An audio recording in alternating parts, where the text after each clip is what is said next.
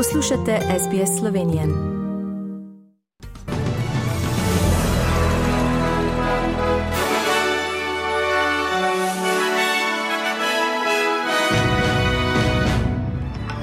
Notreni ministri EU za hitro uresničitev načrta upravljanja migracij v sredozemlju.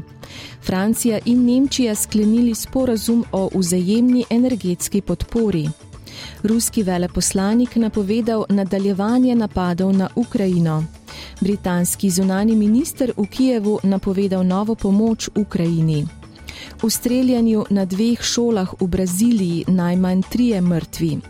In petletni avstralski deček preživel napad pitona.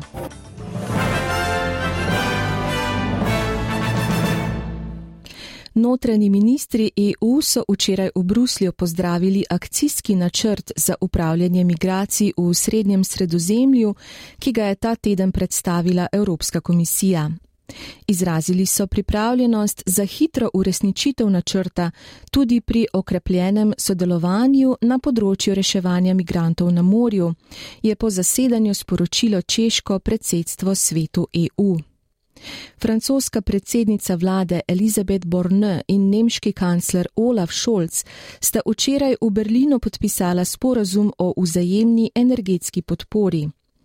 V skladu z dogovorom bo Nemčija sosedi pomagala pri zagotavljanju oskrbe z električno energijo. Francija pa bo v zameno Nemčiji okrepila dobavo plina in ji tako pomagala zmanjšati odvisnost od Rusije. Ruski veleposlanik ZN Vasili Nebenzija je na četrtkovem izrednem zasedanju Varnostnega sveta v New Yorku zagotovil, da bo Rusija nadaljevala z napadi na Ukrajino, dokler Kijev ne bo sprejel realističnega pristopa do pogajanj.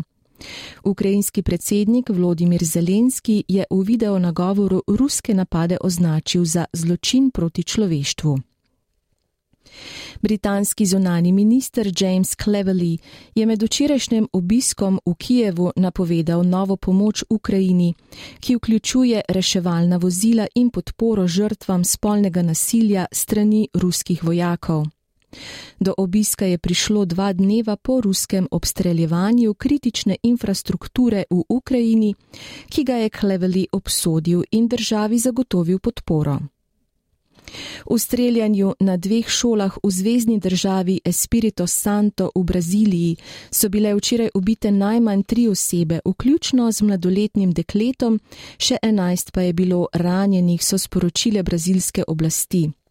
Storilca, ki je na obeh šolah izvedel napad, je policija že aretirala. Petletni avstralski deček Bo Blake iz Queenslanda je preživel napad trimetrskega pitona, ki ga je ugriznil, se ovil okoli njegovih nog in ga potegnil v bazen, ob robu katerega se je igral. Čeprav pitoni niso stropeni, dečka, ki sta ga iz kačjega prijema rešila oče in dedek, zdravijo, da se mesto ugriza ne bi okužilo. Pred pomnikom miru na Cerju na Krasu se je včeraj začela obnova v požaru uničenih območij, s čimer bodo skušali v naslednjih osmih letih sanirati kraške gozdove, so v uvodnem nagovoru izpostavili govorci. Prav tako bodo na Cerju pogozdovali danes, ko pričakujejo okoli 800 prostovoljcev. Že letos nameravajo posaditi 18 tisoč sadik.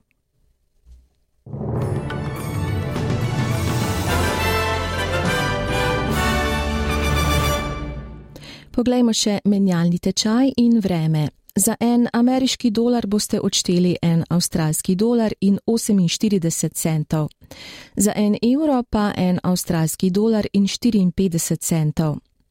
Kakšno bo jutri vreme v večjih mestih Avstralije?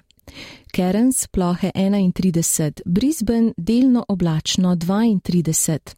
Sydney plohe in nevihte 30, Canberra možne nevihte 25, Melbourne ploha ali 2 20, Hobart ploha ali 2 17, Adelaide ploha ali 2 20, Perth sončno 27, Brum jutranja nevihta 31 in Darwin plohe in nevihte 32 stopinj Celzija.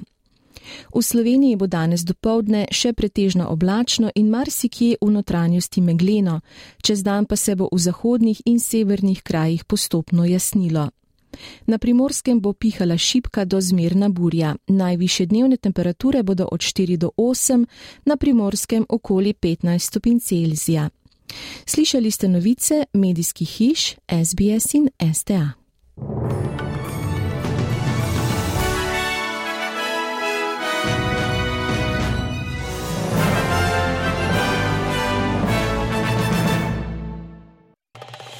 Želite slišati sorodne zgodbe? Prisluhnite jim preko Apple ali Google podcasta, preko aplikacije Spotify ali kjerkoli drugje.